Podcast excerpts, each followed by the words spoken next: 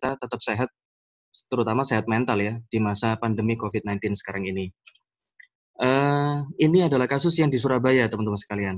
Jadi uh, beberapa waktu yang lalu uh, ada beberapa ya kerumunan ya, kalau boleh dibilang meskipun kemudian sudah dilakukan pembatasan sosial berskala besar ya, ternyata masih ada juga yang melakukan aktivitas yang seperti ini. Jadi cangkruk kalau kata orang Surabaya atau nongkrong gitu ya. Terus kemudian kalau dalam bahasa Indonesia itu uh, ngeyel itu apa ya? Jadi uh, dia suka membantah gitu kan ya, mengabaikan aturan dari pemerintah untuk kemudian me tetap melakukan nongkrong bareng-bareng kayak gitu, terus kemudian ternyata dua orang positif corona ketika rapid test begitu. Terus kemudian ini adalah uh, yang terbaru, jadi berita kemarin ya. Uh, jadi ini saya ambil beritanya kemarin, tentunya pemeriksaannya sudah sebelumnya ya. Ada sebuah pabrik di apa namanya di Surabaya yang kemudian ada dua karyawannya wafat, kemudian otomatis kesemuanya sudah menjadi uh, orang dalam pemantauan gitu kan ya. Dan beberapa kami rawat di rumah sakit kami dan tadi pagi saya baru melakukan konseling untuk uh, yang pertama kalinya pada salah seorang pasien yang termasuk dalam klaster ini. Eh, teman-teman uh, sekalian, uh, sedikit rangkuman dari mungkin ini contoh kasus ya untuk kita renungkan bersama ya. Kalau kita memposisikan di sisi pasien, kemudian di sisi keluarga mungkin orang yang di luar sistem keluarga dari mereka juga. Jadi seorang pasien dari klaster baru, kemudian masuknya klaster baru Surabaya ya, Merasa bosan setelah 15 hari dirawat di ruang isolasi, tidak enak makan, mual muntah, sulit tidur, merasa cemas, gelisah, dan mudah terganggu oleh suara sehingga tidak bisa tidur nyenyak. Semua keluhan itu disebabkan pasien merasa kesepian dan menganggap bahwa rumah sakit memberi ruang isolasi yang tidak layak untuk dirinya. Pasien ingin pulang dan meyakinkan pihak rumah sakit bahwa ia akan isolasi mandiri di rumah. Sebagian pasien dan keluarga penunggu yang lain, maksudnya mereka sendiri juga eh, rasan-rasan di antara keluarga ya, uh, meskipun mereka nggak bisa masuk, tapi mereka bisa melihat dari uh, monitor dan bisa berkomunikasi melalui intercom. Uh, merasa bahwa pasien dianggap egois dan tidak memperhatikan bahwa dirinya bisa menulari orang lain. Nah, menurut Anda bagaimana kalau dalam situasi sekarang ini? Ini kita sudah sudah me, uh,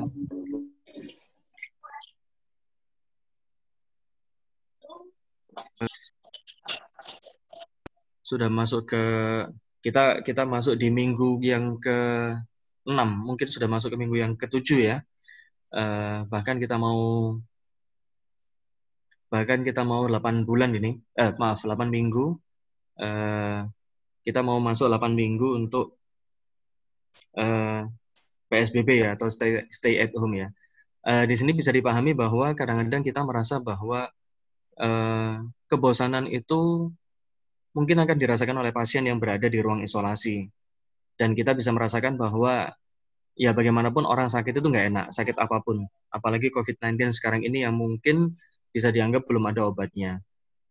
Kemudian um, kalau pada situasi yang sekarang ini, uh, kita bisa menganggap wajar bahwa apa yang dialami oleh pasien itu bukan sesuatu yang berlebihan. Kalau kita berada di posisi pasien, pasti kita juga merasa bosan gitu kan ya. Walaupun ada HP, walaupun ada uh, makanan yang tersedia sampai kemudian pasien ini merasa uh, nggak nyaman sampai muncul gejala somatisasi atau psikosomatis seperti mual, muntah, sulit tidur dan seterusnya.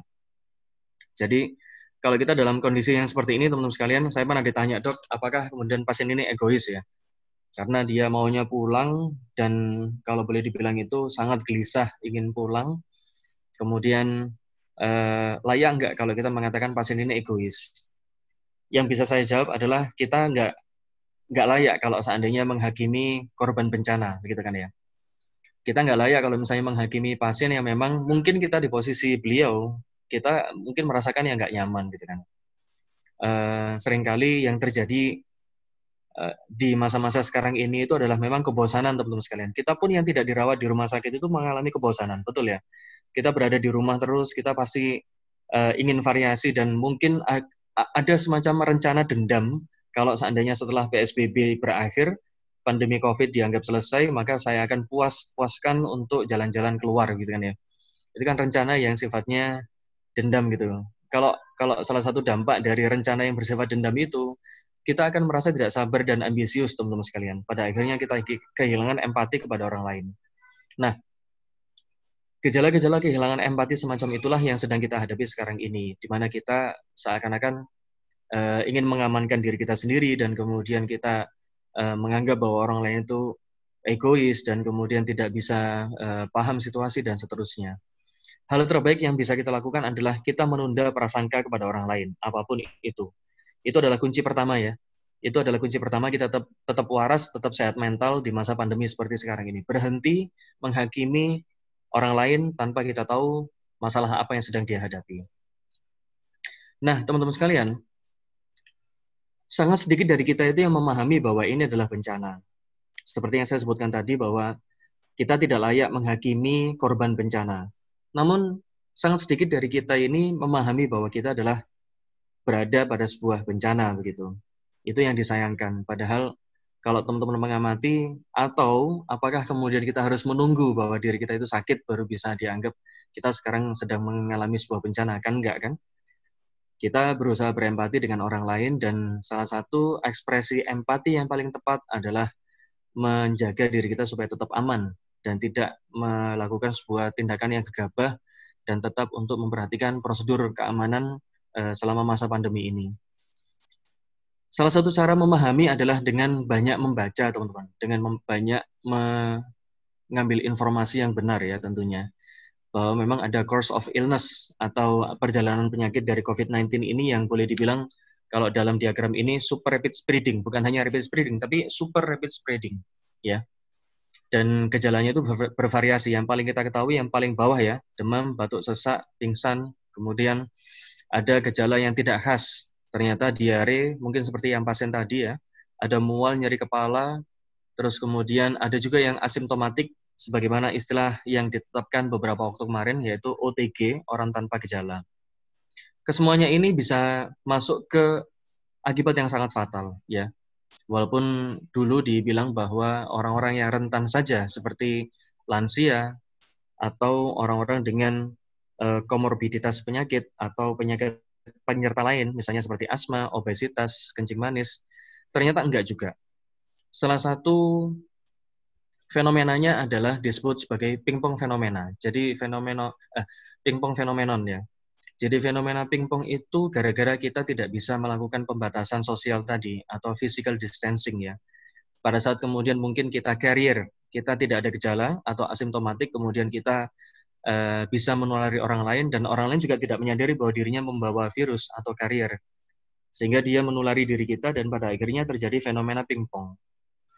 Hal-hal semacam itu yang kemudian bisa memperparah gejala teman-teman sekalian. Jadi fenomena pingpong itu eh, salah satu yang dikhawatirkan adalah terjadi eh, resistensi. Sebenarnya bagus kalau resisten. Maksudnya kita eh, kalau boleh dibilang itu tahan terhadap virusnya ya. Tapi hati-hati virus eh, apa COVID-19 ini memiliki sifat seperti virus pada umumnya. Jadi kalau misalnya uh, diambil model virus seperti dengue ya atau demam berdarah itu ternyata bisa terjadi badai sitokin. Ini nice to know aja buat teman-teman sekalian.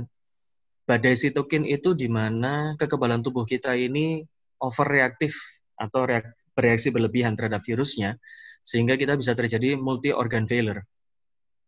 Sehingga meskipun kita tidak ada gejala atau tanpa gejala, kalau ada kalau ada semacam fenomena pingpong tadi, maka akan terjadi akumulasi reaksi dalam tubuh kita yang pada akhirnya bisa menyebabkan badai sitokin. Dan badai sitokin itu atau badai dari uh, kekebalan tubuh itu bisa membuat uh, kita mengalami multi organ failure dan sehingga kita berakibat fatal. Nah, dengan memahami course of illness ini teman-teman sekalian, kita menyadari bahwa walaupun kita asimptomatik atau kemudian tanpa gejala, uh, kita bisa menganggap bahwa uh, kita sehari-harinya akan menghadapi setiap orang atau siapa pun membawa penyakit ini tanpa kita sadari. Jadi uh, kalau peraturannya di yang yang saya buat sendiri ya, anggap setiap orang itu positif sebelum terbukti sebaliknya. Anggap semua pasien itu positif sebelum terbukti sebaliknya. Tapi hati-hati, pemahaman seperti ini bisa menambah perasaan cemas dan kemudian perasaan terlalu waspada atau paranoid. Jadi eh, dengan membaca Course of Illness seperti yang saya tadi saya sebutkan bahwa kita perlu banyak baca. Cuman hati-hati, efek samping dari banyak baca itu bisa membuat kita menjadi semakin paranoid. Terus kita harus gimana? Nah, ini ada tipe-tipe ekstremis atau ya ini sebutan saya ya ternyata dalam beberapa waktu saya berinteraksi dengan beberapa pasien maupun keluarga pasien itu ada tiga tipe orang yang ekstrim yang seperti saya tunjukkan di sini. Ada the ignorant, orang yang acuh, cuek, nggak peduli. Ada yang pencemas, terus kemudian ada yang asosial. The ignorant itu adalah orang yang terlalu optimis. Mungkin nggak cocok disebut optimis ya, tapi dia menganggap dirinya itu over optimistic, sangat optimis menganggap bahwa kita punya daya tahan tubuh yang baik, cukup minum jamu, anti masker, tapi dia ternyata lengah dalam antisipasi. Itu yang membuat dia itu ignorant atau uh, terlalu tidak peduli. Kita optimis boleh, tapi jangan sampai terjadi kalimat yang terakhir, yaitu lengah dalam antisipasi. Ini yang harus kita hindari, teman-teman sekalian. Ya.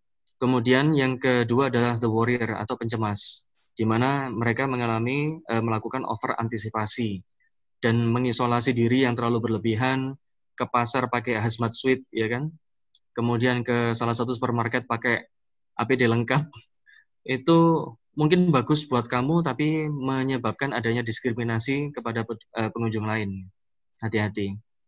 Overstigmatized, sehingga dia menolak jenazah dikuburkan, atau mungkin menolak tetangganya yang menjadi tenaga medis, atau menolak orang-orang yang katanya keluarganya ada yang positif itu stigmatize yang berlebihan. Dan mereka kebanyakan ada di tengah-tengah kita gitu kan. Sehingga kemarin juga uh, ada sebuah peristiwa panic buying ya. Sehingga keracunan kloroquine di mana memang ada uh, berita bahwa kloroquine itu obat anti malaria yang bisa digunakan untuk menangkal COVID-19 tapi ternyata uh, dia meminum dengan dosis tanpa advis atau tanpa nasihat dari tenaga kesehatan sehingga dia keracunan begitu. Dan yang terakhir adalah asosial, orang yang tidak peduli, maunya aman sendiri, tapi tidak update info. Ya, tidak update info, terus kemudian tidak paham berita, dan hidup dalam sangkar ibaratnya dia mengisolasi dirinya sendiri, tapi malah nggak nggak terlibat apa pun dalam upaya sosial. Artinya kontribusinya juga uh, ya ya dia dia nggak peduli gitu, gitu. Ini adalah tiga tipe kalau boleh dibilang ekstremis yang kemudian ada di tengah-tengah kita. Kemudian berikutnya teman-teman sekalian, ini saya ambil uh, ada sebuah teori dasar emosi di masa pandemi teman-teman sekalian. Dan menariknya, setiap kita ini memiliki pengalaman di masa lalu yang cukup baik dalam menghadapi konflik, frustasi, bahkan krisis seperti sekarang. Pengalaman ini dapat menjadi referensi personal, orang tua maupun siapa pun, uh, ataupun kita sebagai seorang anak juga gitu kan, dalam menghadapi krisis pandemi seperti sekarang ini. Jadi ada istilahnya pandemic anxiety of fear, di mana memang ada respon emosi dan respon perilaku. Respon emosinya itu berupa ketakutan-ketakutan seperti ini, ada takut sakit, takut menularkan, takut mengalami kecacatan atau kematian, dan seterusnya. Dan ada respon perilaku ya, pemeriksaan berulang yang tidak perlu, memaksa jaminan atas kondisi kesehatan kepada petugas. Nah, ada beberapa pasien yang sudah kita pulangkan, tapi pasien dengan ada mengancam tanya kepada petugas kesehatan ya, e, apakah kita bisa dijamin dok kalau kita pulang nggak menularkan keluarga kita. Nah itu itu yang yang uh, waspada juga ya. Maksudnya bagaimanapun kondisi yang secara medis itu tetap bisa kita sebutkan kepada pasien bahwa secara pemeriksaan memang baik tapi bagaimanapun Bapak Ibu sekalian perlu untuk jaga diri gitu kan ya. Sehingga ada perilaku yang dekontaminasi berlebihan kemudian sampai membakar peralatan pasien atau kemudian baju sendiri juga sebelum masuk ke uh, rumah itu kemudian dibuang bukan di uh, cukup direndam deterjen 30 menit nggak nggak dilakukan tapi langsung dibuang gitu kan ya atau kemudian bahkan overprotective uh, sampai kita obsesif terhadap pengobatan. Nah, di antara semua respon itu, teman-teman sekalian, perlu kita kenali. Apakah respon kita ini berdasarkan pada situasi saat ini, ataukah tercampur dengan masalah emosional lain? Jadi addressing the emotions atau addressing the root cause itu atau sebab dasar itu akar permasalahan itu penting teman-teman sekalian. Apakah kita memang punya masalah pernikahan tertentu, ada masalah finansial seperti banyak sekali permasalahan pekerja sekarang ini ya, faktor ekonomi gitu kan ya. Kemudian masalah keluarga besar, masalah kesehatan lainnya, masalah dunia. Nah, kebanyakan dari kita ini contohnya yang terakhir masalah dunia, kita mengambil permasalahan orang lain menjadi masalah kita sendiri. Jadi yang perlu diwaspadai teman-teman sekalian, eh, sering kali kalau kita membaca di berita mana pun, informasi mana pun itu membuat kita seakan-akan terbawa emosinya. Pada akhirnya dalam tanda, tanda kutip kita mengambil permasalahan orang lain menjadi masalah kita sendiri gitu. Nah, itu itu yang menyebabkan kita menjadi tidak fokus terhadap uh, prosedur pengamanan diri kita sendiri dan keluarga sehingga emosi kita menjadi tercampur antara masalah-masalah itu dengan apa yang kita alami sendiri gitu. Nah, pentingnya kita membatasi informasi itu seperti itu teman-teman sekalian supaya kita tidak terlalu berlebihan dalam uh, respon kita kepada hal-hal yang seperti ini gitu. Kemudian, nah, kenali siapakah aku di masa pandemi ini? Kita kita kira-kira kita ada di zona yang mana ini? Zona ketakutan, yaitu di mana respon kita sukanya ngegas, ya, marah, sensitif, menyebar aura negatif, share apa pun dari media sosial, informasi apa pun ditelan mentah-mentah tanpa di. Kemudian ada respon perilaku seperti panik buying, eh, entah itu masker, hand sanitizer dan seterusnya. Meskipun sekarang ini kita sudah mengalami uh, slope down ya. Jadi sudah me menurun ya eh, orang-orang yang mengalami panic buying.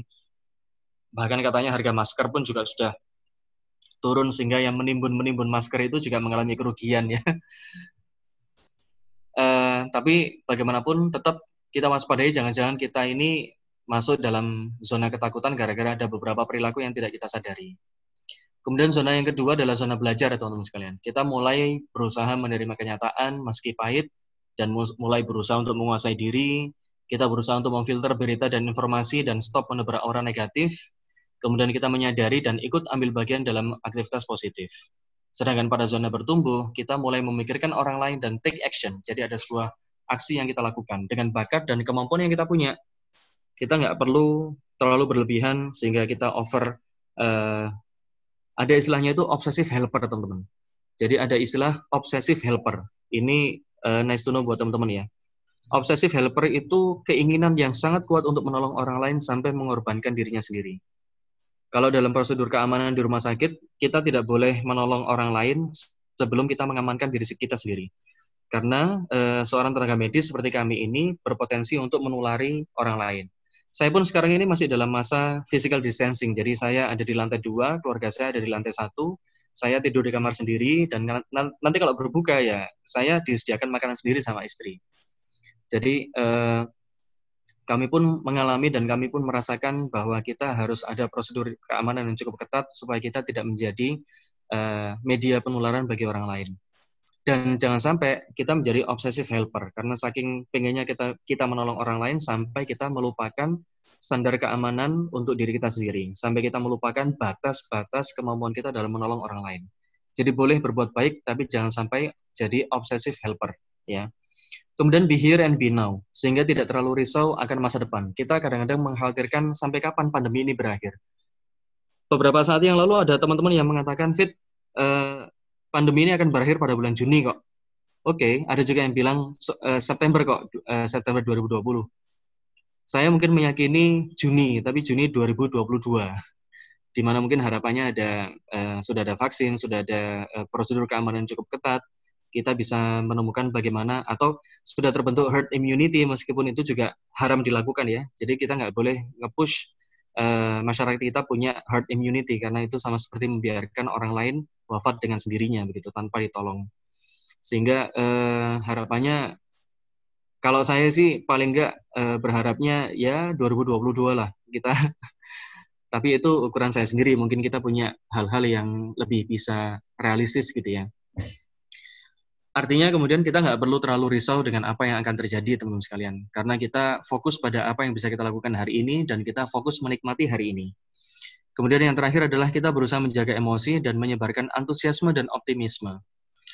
Menyebarkan antusiasme, menyebarkan optimisme itu bisa dilakukan perlisan, tapi akan lebih baik kalau ada movement. Ketika teman-teman eh, yang saya amati itu mungkin beberapa mahasiswa saya itu posting kegiatannya di rumah di sosial media. It's okay. Itu eh, mungkin bagi sebagian orang dianggap narsisis karena uh, ada beberapa meme yang menjadi sendiran ya uh, apa isolasi dirinya orang kaya dengan isolasi dirinya orang miskin itu kalau orang kaya dia bisa menikmati apa pun fasilitas yang di rumah, tapi kalau orang miskin dia bisa mati kelaparan di rumah. Nah itu kan uh, itu sesuatu yang memang sangat-sangat sangat sangat-sangat apa ya menyedihkan ya. Oleh karena itu kita boleh menyebarkan antusiasme dan optimisme, namun jangan lupa untuk melakukan aksi yang nyata ya. Take action itu sangat penting teman-teman sekalian. Ini zona bertumbuh. Saya harapkan kita semuanya masuk paling nggak di zona belajar inilah, sehingga kita paling tidak ada kesadaran untuk berbagi dengan orang lain meskipun tidak banyak yang bisa kita lakukan. It's okay, nggak masalah. Nah, teman-teman sekalian, ini adalah slide yang terakhir. Jadi bagaimana kita uh, bisa happy di rumah aja maka kuncinya adalah work-life balance. Ingat, kita sudah masuk ke bulan ke dua, eh, akan bulan kedua ya, eh, sudah bulan kedua dan akan mau mau masuk ke bulan yang ketiga. Di bulan eh, kedua ini aja kita sudah merasakan bosan yang luar biasa. Mungkin bagi sebagian kita itu sudah sangat ingin sekali keluar dari rumah dan kita ada kayak semacam pembalasan. Pokoknya aku pengen mau pelesir ke mana pun, mau rekreasi ke mana pun, tapi hati-hati teman-teman sekalian, kita mungkin akan perlu beradaptasi lebih panjang lagi. Oleh karena itu kita perlu memaintain happy di rumah saja, dan kuncinya adalah work-life balance. Kuncinya yang pertama, teman-teman sekalian, pahami saat ini kita sedang menuju a new normal. Mungkin semua pekerjaan perlu kita setting bagaimana kita bisa melakukannya di rumah. Gitu kan beberapa tukang sayur di rumah saya itu bahkan punya Instagram dan uh, posting paket-paket sayurannya di Instagramnya itu dan punya grup WhatsApp atau paling nggak punya uh, nomor WhatsApp perumahan ya, emak yang di perumahan. Sehingga uh, beliau ini pada saat kemudian di uh, pesenin sesuatu sama emak-emaknya itu, dia tinggal langsung uh, ngirim dan dicantolin di pagar gitu kan ini adalah sebuah shifting perception dan shifting environment teman-teman sekalian. Jadi kita perlu sadari, kita perlu memahami mungkin kita masuk dalam sebuah new normal yang baru. Kan? Dan kemudian yang kedua, pahami peranmu di rumah. Tidak bisa dipungkiri, kita menjadi seorang ayah, seorang anak, mungkin seorang istri, dan juga uh, kita menjadi seorang suami atau istri. Bagi yang single pun, kita tetap punya kedudukan sebagai seorang anak dari orang tua yang jauh dari kita misalnya, dan kita juga menjadi seorang yang profesional. Sebagai mahasiswa, sebagai orang kantoran yang harus di rumah, kemudian sebagai orang yang harus berjuang dengan kas harian yang dia uh, terpaksa untuk uh, apa berjibak berjibaku di uh, di jalan begitu kan ya, harus berjuang di jalan begitu. Sehingga ada peran profesional dan ada peran personal ya ada personal, ada profesional, ada profesional, ada personal, dan dua peran ini kita perlu untuk bikin set waktu dan tempat yang jelas untuk menjalankan peran kita. Misalnya, uh, saya sebagai seorang uh, katakanlah entertainer harus bikin vlog setiap hari, harus bikin uh, video setiap hari, maka saya siapkan ruangan khusus di mana saya tetap bisa produktif dan harus ada waktu yang saya disiplinkan untuk diri saya sendiri. Ya, Kemudian yang ketiga, it's okay to be not okay, teman-teman sekalian. Jadi, ada kalanya kita perlu sendiri menjadi produktif menurut versi kita. Tapi pada saat kemudian kita menyendiri, eh, ada baiknya kita tidak lari pada sosial media. Ya, kalau ngegame sih oke okay lah. Karena kalau sosial media itu kita nggak tahu informasi yang muncul pop up begitu saja pada handphone kita itu apa. Kalaupun harus sosial mediaan, ya it's okay. Uh, cuman hati-hati dan kita perlu membatasi informasi dan stay produktif. Kemudian yang keempat, kuatkan ibadah agar kita tahu ke mana dan kepada siapa kita harus bergantung dan mengadu. Kalau teman-teman berada pada kondisi ya, jangan sampai ya, naudzubillah, jangan sampai kondisi seperti pasien saya itu kan, ya dia tidak bisa disenguk, kemudian yang uh, menemui dia adalah tenaga medis yang harus pakai APD lengkap, nggak tahu wajahnya bagaimana, ya kan? Dan dia harus diisolasi sendirian gitu kan? Tapi dengan adanya ibadah ini harapannya kita tetap tahu bahwa kita nggak sendirian dan ada Tuhan yang selalu mengawasi kita. Begitu. Kemudian yang kelima, proper nutrition teman-teman sekalian. Buat program diet untuk dirimu sendiri. Kebanyakan kita ini di rumah tapi makanya kebablasan ya. Untung Ramadan puasa bagi yang puasa. Bagi yang tidak puasa ya coba set uh, nutrisi yang cocok untuk diri kita sendiri teman-teman sekalian. ada beberapa dokter yang menyarankan jangan terlalu banyak karbohidrat, tapi perbanyak protein.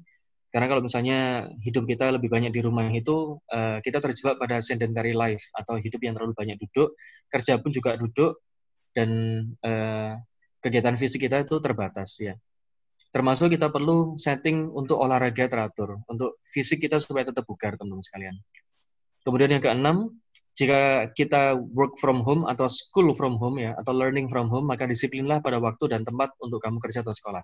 Jadi sama seperti yang nomor dua, teman-teman sekalian. Tapi kalau untuk yang nomor enam ini khusus untuk sisi profesi kita, sisi profesional kita, di mana memang harus ada waktu dan tempat untuk uh, kita fokus pada karya-karya kita. Kalau teman-teman mempelajari beberapa cendekiawan uh, mungkin cendekiawan ilmu ya, uh, para ulama terdahulu itu sebelum mereka memulai menulis kitab itu mereka selalu menggunakan pakaian yang terbaik dan sebelumnya tak lupa mereka berwudu ya, mengambil wudu, mengambil pakaian yang terbaik dan memakai wewangian seakan-akan mereka akan me, uh, apa ya? Ya seperti kalau kita sekarang ini ya mungkin berdasi, pakai jas dan seterusnya, tapi pakai pakaian yang cocok di di rumah namun memang bersih dan suci dan dia mensucikan dirinya karena dia tahu pada saat dia bekerja itu bukan hanya untuk dirinya sendiri tapi juga untuk umat untuk masyarakat dan yang paling penting itu adalah ladang ibadahnya dia makanya kadang-kadang kita perlu setting uh, diri kita untuk tetap produktif ada sebuah artikel yang menyebutkan trick your brain jadi dengan kita membuat sebuah tempat khusus ada kursi khusus, ada meja khusus kita untuk bekerja atau belajar. Kemudian kita memang menyengaja menggunakan pakaian yang terbaik meskipun kita ada, lagi ada di rumah. Pakai wewangian meskipun kita, hanya kita yang tahu. Itu paling nggak memperbaiki mood kita dan menyiapkan otak kita untuk belajar dan bekerja. Itu namanya trick your brain ketika kita sedang work from home atau school from home. Itu sangat benar-benar membantu untuk meningkatkan produktivitas kita. Kemudian yang ketujuh, tentu batasi informasi teman-teman sekalian, kurangi sosial media, kurangi berita-berita yang negatif. Kalau misalnya nggak sengaja, langsung skip aja.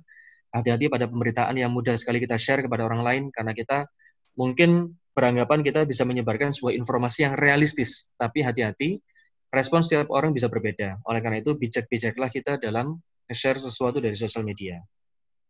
Kemudian yang ke-8, stay connected teman-teman sekalian, di mana kita selalu berusaha berbagi rasa dengan sanak saudara, atau teman-teman sekalian dan perbanyak kegiatan sosial. Nah, harapannya kita tidak merasakan sendirian karena kalau belajar dari pasien saya tadi, ketika dia secara fisik dia sendirian, maka eh, salah satu solusinya adalah kita tetap terhubung dan memang ada ada jam-jam khusus di mana dia eh, video call bersama-sama dengan teman-teman eh, dengan anak dan suaminya sehingga atau dengan istrinya eh, sehingga dia eh, merasa tidak sendirian dan itu memang fitrah kita sebagai makhluk sosial ya. Kita nggak bisa dibatasi dan kita tahu ruang gerak kita, ruang gerak kita sekarang ini sedang terbatas. Oleh karena itu, dengan sosial media yang kita punya, kita tetap bisa terhubung. Batasi informasi yang nomor tujuh itu tidak lantas kita cut total, kita nggak pakai sosial media. Enggak. Kita tetap perlu supaya kita bisa stay connected. Tapi hati-hati dengan apa yang kita baca, dengan apa yang kita tahu, karena itu bisa memicu kecemasan. Namun insya Allah kalau seandainya semuanya ini kita lakukan, teman-teman sekalian, kita bisa lebih happy dan lebih produktif pada saat kita di masa pandemi sekarang ini.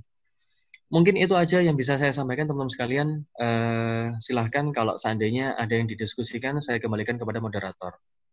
Terima kasih.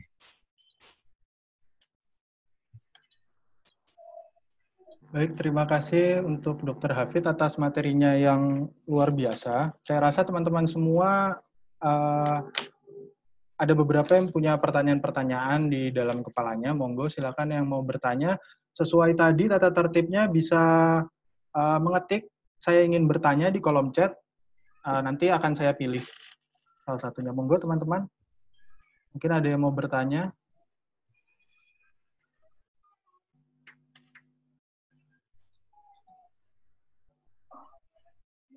Oke, baik. Penanya pertama kita dari saudari Nurul Fadilah. Silakan mikrofonnya sudah saya unmute, silakan bertanya. Ya, Assalamualaikum warahmatullahi wabarakatuh. Assalamualaikum warahmatullahi wabarakatuh. Terima kasih ya atas kesempatan kesempatannya. Saya ingin bertanya terkait ini. Saat ini kan sudah marak ya uh, uh, memproduksi hand sanitizer sendiri dan itu terbuat terbuat dari bahan herbal seperti itu. Yang ingin saya tanyakan, apakah hand sanitizer herbal seperti itu uh, terbukti efektif untuk membunuh bakteri di tangan dan uh, bahan herbal apa saja yang mungkin bisa digunakan untuk membuat hand sanitizer herbal tersebut. Terima kasih. Baik, terima kasih Saudari Nurul. Monggo dokter, pertanyaannya tentang sudah marak produksi hand sanitizer herbal, apakah hal tersebut itu efektif untuk melawan uh, COVID-19 dan jika memang ada herbal yang efektif untuk melawan COVID-19 itu ada herbal apa saja dokter? Mungkin dokter bisa menjawabnya. Ya, terima kasih atas pertanyaannya. Jadi kalau hand sanitizer itu patokannya memang ada beberapa kadar alkohol yang disarankan dan insya Allah yang aman untuk kulit uh, dan tetap memiliki uh, daya apa namanya itu daya bunuh kuman ya paling tidak hand sanitizer uh, apa dengan kadar alkohol 70%. Tapi mungkin teman-teman yang lebih tahu bisa mengoreksi ya. Uh, saya tidak perlu uh, apa saya tidak terlalu mendalami bagaimana yang kemudian uh, apa hand sanitizer yang baik kalau dari produk herbal itu seperti apa. Jadi uh, kalau saya nggak punya patokan misalnya herbal yang baik seperti apa, mungkin teman-teman yang lebih tahu bisa memberikan pendapat. Tapi kalau saya uh, saya lebih cenderung pakai hand sanitizer yang standar aja. Tapi yang saya sarankan kepada pasien-pasien saya adalah uh, daripada ngantongin hand sanitizer, uh, ngantongin apa namanya sabun sabun cuci tangan itu lebih lebih mungkin lebih uh, rasanya lebih yakin gitu ya daripada kemudian menggunakan hand sanitizer. Karena kalau misalnya pakai sabun kan kita terpaksa harus pakai air yang mengalir gitu kan ya. Jadi adanya air mengalir itu kemudian kita pakai sabun dan kemudian kita uh, dengan enam langkah cuci tangan itu harapannya kita bisa jadi lebih uh, baik lagi kalau membersihkan tangan kita. Begitu kira-kira komentar saya Mbak Nurul. Oke, terima kasih dokter. Uh, saya rasa sudah cukup jawaban dari dokter Hafid karena memang uh, di sini dokter Hafid uh, bidang ahlinya adalah bidang kedokteran jiwa. Jadi nanti mungkin Mbak Nurul bisa bertanya kembali ke orang yang lebih ahli di bidang uh, obat-obatan herbal dan lain sebagainya. Baik, untuk penanya selanjutnya ada, mohon maaf ini Bapak Endaruji Setiadi. Monggo, mikrofonnya sudah saya unmute. Baik, terima kasih. Assalamualaikum warahmatullahi wabarakatuh. Waalaikumsalam. Kepada dokter, ini saya bertanya eh, terkait kesehatan mental tadi ya. Kalau katakanlah tadi kan ada gejala-gejala begitu ya dok ya. Pertanyaan ya. saya, eh, kalau misalkan kita ada gejala-gejala seperti itu, sampai batas di mana kita itu kemudian harus memeriksakan diri ke katakanlah uh, psikolog atau psikiater. Itu aja. Terima kasih dokter. Terima. Baik, terima kasih. Baik, terima kasih. Monggo dokter Hafid. Ya, uh, gejala yang saya tampilkan tadi itu adalah gejala untuk uh, beberapa ya. Ketika uh, mungkin nice to know untuk kita semuanya teman-teman sekalian. Jadi gejala kalau dalam istilah kesehatan mental itu ada dua macam. Yang pertama adalah masalah kejiwaan, yang kedua adalah gangguan kejiwaan. Kalau gangguan kejiwaan itu sudah pada taraf eh, sudah muncul sebuah diagnosis tertentu. Jadi eh, dalam panduan diagnosis gangguan kejiwaan itu kan ada listnya.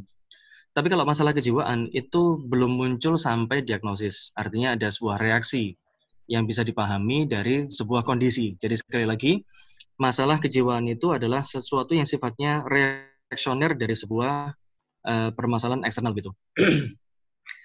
Dan indikasi dari keduanya itu sederhana, ketika apa pun masalah kejiwaan kita yang kita rasakan dan mengganggu produktivitas kita, maka kita sudah layak untuk konseling sebenarnya seperti itu, Pak. Namun konseling itu memang ada levelnya. Jadi kita bisa level simptomatis atau gejala, level mungkin produktif itu kan berarti fungsional ya, uh, functional life. Jadi pada uh, apa namanya itu hidup yang berfungsi dengan baik dan itu memang uh, ada spektrum sehat, ada spektrum sakit. Jadi spektrum sehat itu adalah spektrum sehat dan fungsional. Kita bisa konseling mengenai fungsi fungsionalitas kita sehari-hari. Dan spektrum sakit itu benar-benar selain tidak produktif juga mengganggu relasi sosial. Jadi kalau seperti itu kan berarti sudah muncul sebuah uh, kegawatan ibaratnya seperti itu. Jadi pada dua spektrum itu kita bisa memulai konseling dengan kadar atau dengan kedalaman konseling yang bisa berbeda-beda.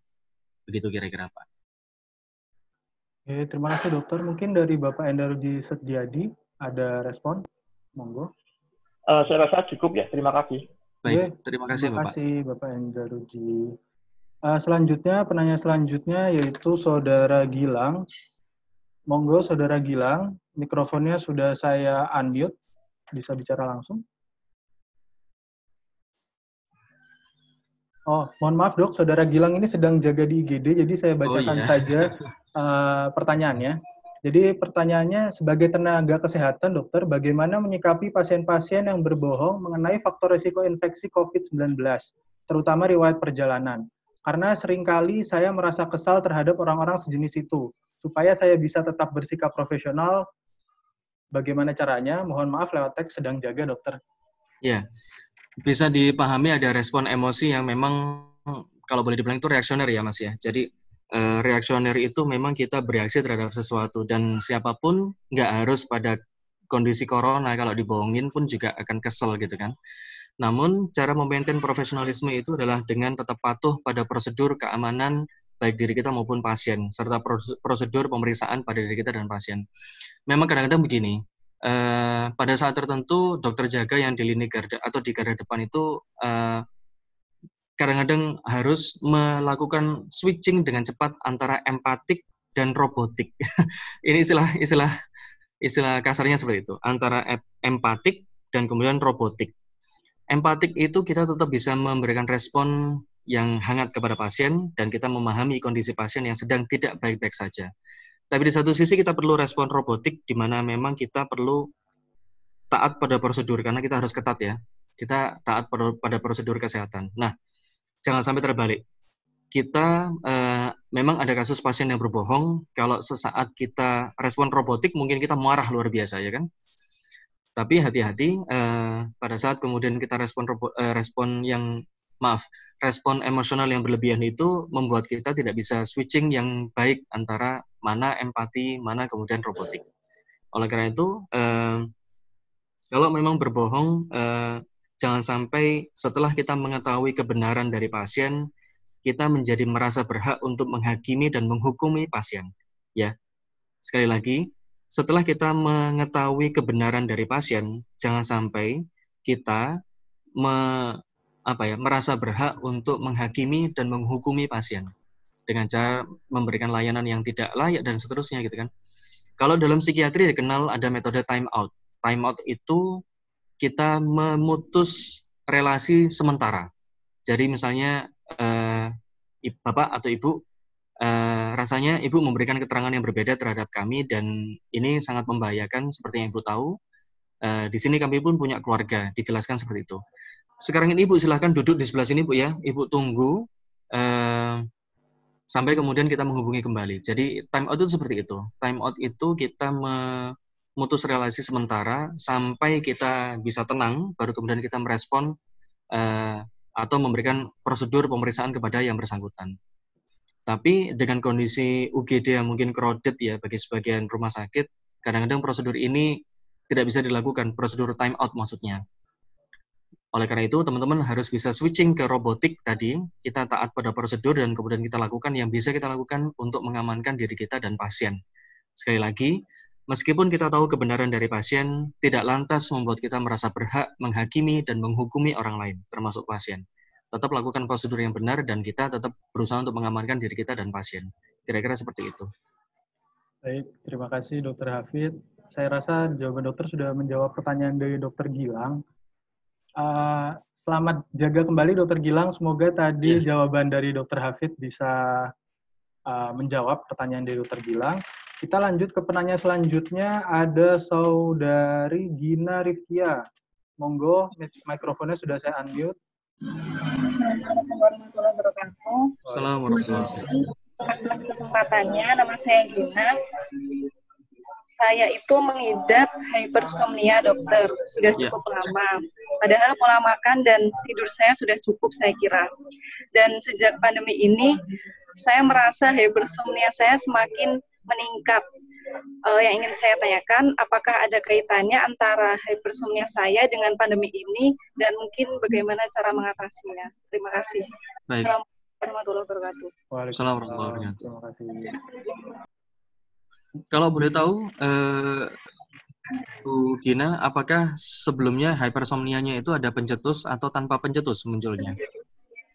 Tanpa pencetus. Dari awal seperti itu ya, tanpa pencetus ya? Ya. Baik. Jadi uh, hypersomnia itu memang bentuk dari excessive anxiety atau kecemasan yang berlebih. Tapi kalau muncul tanpa pencetus, itu bisa sifatnya subtle ya. Jadi kadang-kadang kita itu mengabaikan kecemasan sepanjang hidup kita dan mengendap ke alam bawah sadar dan pada akhirnya dia muncul menjadi sebuah gejala hypersomnia. Itu menunjukkan uh, pada beberapa, kalau misalnya kita belajar teori psikodinamik atau dinamika psikis kita, sesuatu yang terpendam sangat dalam dan besar di alam bawah sadar kita itu justru membuat kita ini kayak semacam lack of energy. Jadi uh, merasa mudah sekali me, apa kehabisan energi karena memang alam bawah sadar kita punya beban yang cukup besar. Tapi kalau dalam teori dinamika psikis ini atau psikodinamik ini itu rasanya sangat menyakitkan kalau mau menggali uh, sesuatu yang sifatnya kita pendam selama beberapa waktu. Nah, yang bisa kita lakukan seperti apa? Tetap ada uh, celah untuk modifikasi uh, lifestyle atau gaya hidup. Jadi hypersomnia itu kan sering kali jam tidur malamnya itu normal, tapi paginya itu tetap ngantuan gitu kan ya. Maka kebugaran fisik yang pertama kali yang bisa kita bantu untuk jaga. Karena dengan olahraga yang teratur itu, harapannya hormon dalam tubuh kita seperti adrenalin, terus kemudian kortisol, hormon stres, kemudian endorfin, hormon uh, happy, dalam tubuh kita itu bisa termaintain dengan baik. Tapi kalau misalnya Bu Gina bisa me, uh, sudah cukup rutin melakukan itu uh, dan nutrisi, nutrisinya juga dijaga, stresnya juga termanajemen dengan baik, mungkin Bu Gina perlu asesmen yang lebih mendalam uh, ke psikiater atau psikolog yang ada di sekitarnya. Uh, mungkin kita bisa menggali sesuatu yang sifatnya tidak kita sadari karena ada beberapa mungkin alat bantu seperti kuesioner atau kemudian uh, perlu pemeriksaan fisik seperti laboratorium untuk kemudian melihat kebugaran fisik kita baru kemudian kita lakukan asesmen kepada uh, kesehatan mentalnya lebih mendalam lagi. Mungkin kira-kira seperti itu Bu Gina. Oke, monggo dari uh, Ibu Gina mungkin ada respon. Sudah cukup, dokter. Terima kasih. Baik. Terima kasih, Bu Gina. Terima kasih. Terima kasih. Mohon maaf, Dokter Hafid, uh, jenengan ya. available sampai jam berapa nih, Dok? Eh, uh, apa-apa diteruskan. Emang mau sampai jam berapa, Mas? uh, jadwalnya sih sampai jam 5, Dok. Ini saya batasi tinggal dua penanya terakhir nih, Dok. Oke, okay. Ini dihabiskan sama yang di chat terakhir itu aja nggak apa-apa? Oke, okay, siap, Dok. Ya. Baik, silakan Saudara Yudo. Mikrofonnya sudah saya unmute. Monggo untuk bertanya. Oke, terima kasih pada Mas Admin dan juga Dokter Hafid Christian, spesialis dokteran jiwa. Izin bertanya nggih dokter terkait ya, dengan siap. masyarakat yang mana sangat patuh terhadap suatu pemimpin agama atau ulama seperti itu. Dan yang disayangkan itu adalah salah satu pemimpin agama itu menyuruh hal-hal yang tidak sesuai dengan IBM atau evidence based medicine. Nah, hmm. Itu terkait dengan pemberian amoksisilin di tandon air seperti itu. Nah, oh, iya. juga banyak sekali uh, apa banyak sekali yang muncul di pemuka-pemuka agama seperti itu dan memberikan ke masyarakat sehingga itu yang dipercaya. Bagaimanakah hmm. sikap kita sebagai tim medis ya dokter ya terkait yeah. dengan itu semua terima kasih. Assalamualaikum warahmatullahi wabarakatuh. Assalamualaikum warahmatullahi wabarakatuh. Langsung dijawab? Langsung ya. dokter monggo. Ya, jadi uh, Mas Dokter, um, kalau itu namanya anu ya, uh, ya saya ceritakan yang kemudian sudah kami lakukan. Kalau di masa-masa seperti sekarang ini, memang tugas dari tenaga medis itu salah satunya tidak lelah dalam mengedukasi, termasuk kalau dalam bidang saya di kedokteran jiwa itu kan cukup banyak juga uh, dalam tanda kutip bertarung dengan stigma ya. Stigma misalnya tentang uh, pasien dengan skizofrenia atau de pasien dengan gangguan jiwa itu kan uh, dianggapnya oh ini pasien gila, pasien gila gitu kan. Padahal sebenarnya uh, itu adalah labelisasi atau stigma. Nah, salah satu cara untuk me dalam tanda kutip menghadapi mitos atau kemudian stigma atau kemudian pandangan-pandangan negatif di masyarakat itu kuncinya adalah edukasi, edukasi dan edukasi. Jadi jangan lelah untuk mengedukasi. Dan kemudian pada saat memberikan edukasi, jangan sampai menganggap lawan bicara kita itu bodoh dan kita yang pinter. Jangan sampai. Karena itu sikap atau attitude kita itu bisa langsung terbaca oleh audiens kita, oleh lawan bicara kita, termasuk misalnya kita ingin memberikan pencerahan kepada para pemuka agama. Tentunya mereka dengan identitas yang mereka punya itu, mereka sudah cukup e, merasa mapan begitu. Kalau seandainya kemudian kita merasa bahwa hal yang dilakukan itu salah dan kita datang dengan sikap menyalah-nyalahkan meskipun tidak terucap, ya hanya dengan sikap menyalah-nyalahkan meskipun tidak terucap itu bisa terbaca dan orang lain bisa merasakan. Oleh karena itu respon empatik itu perlu sebelum kita memberikan edukasi dan memang kuncinya adalah edukasi, edukasi dan edukasi. Jangan lelah untuk memberikan edukasi. Kalau kita lelah, it's okay. Seperti yang saya sebutkan tadi, it's okay to be not okay. Jadi nggak apa-apa kalau kita sedang lelah dan minta ingin digantikan oleh uh, teman kita yang bisa mengedukasi dengan baik, nggak apa-apa.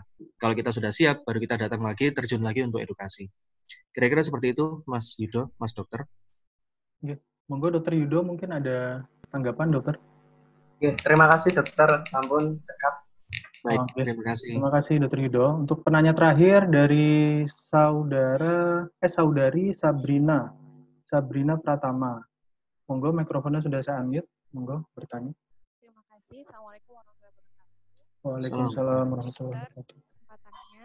Jadi merasakan selama masa lockdown dan pandemi ini, itu saya merasakan dalam diri saya itu uh, banyak perasaan-perasaan yang biasanya tidak saya rasakan, tapi nggak tahu kenapa itu kayak muncul gitu ya. Misalnya contohnya uh, saya merasa uh, hipersensitif gitu ya terhadap orang-orang yang terutama pada uh, orang yang berbeda pendapat dengan saya seperti itu.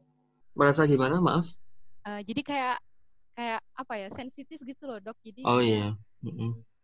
disentil dikit gitu aja tuh kayak gampang emosi gitu loh padahal sebelumnya mm -hmm. saya merasa uh, saya orangnya santai-santai aja kayak gitu loh apakah mm -hmm. itu uh, sesuatu yang berhubungan juga dengan apakah dalam diri saya juga ada ada masalah kejiwaan yang mungkin saya tidak sadari atau seperti mm. apa terima kasih yeah. Ya, terima kasih Mbak Sabrina. Jadi uh, addressing the emotional root cause itu penting ya. Jadi uh, tadi yang saya sebutkan bahwa kadang-kadang kita perlu untuk jeli. Saya minta izin share screen uh, sekali lagi teman-teman sekalian untuk review kita semuanya mungkin yang baru bergabung ya. Sekilas aja teman-teman. Yang ingin saya tunjukkan itu sekali lagi ini.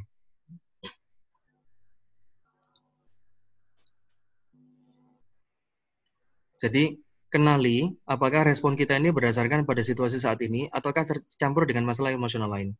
Kalau seandainya memang kita sebelum ada masa pandemi ini memang sedang menghadapi beberapa permasalahan ya, meskipun kemudian tidak kita sadari, kita anggap sebagai sesuatu yang biasa aja misalnya, itu bisa membuat kita ini sensitif. Contoh contohnya begini, uh, kita terbiasa kalau misalnya bangun pagi itu nggak terlalu peduli dengan keadaan kamar kita karena kita terburu-buru berangkat kerja misalnya terus kemudian saat kita pulang kita baru beresin kamar kita.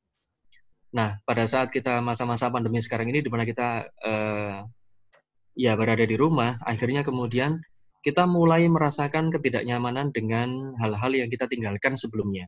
Contohnya kebiasaan merapikan tempat tidur di eh, pagi hari misalnya itu kan hal-hal kecil yang mungkin kita abaikan selama ini jadi kalau memang kita tidak tahu sensitifnya itu karena apa, apakah karena masalah emosional saat ini, saat pandemi sekarang ini, atau karena ada masalah-masalah dulu yang kecampur, maka paling tidak kita bisa memulai mendeteksinya itu dari melakukan hal-hal yang kecil.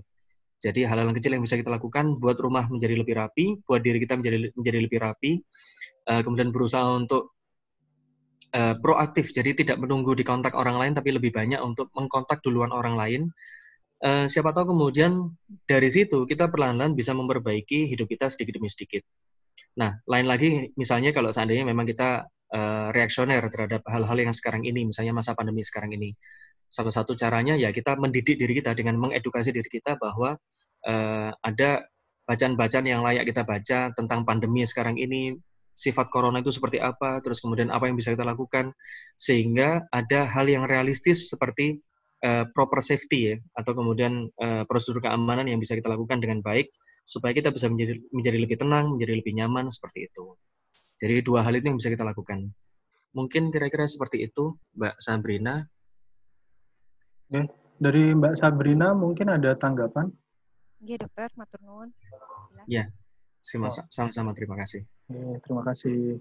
Oke, baik. Terima kasih banyak Dokter Hafid atas waktunya, atas Ya, terima kasih sama-sama. Kesempatannya mau menjawab pertanyaan-pertanyaan kami dan juga telah memberikan ilmu yang banyak kepada kami. Semoga ilmu yang jenengan berikan kepada kami hari ini menjadi ilmu yang bermanfaat bagi kami dan menjadi amal jariah bagi jenengan nantinya.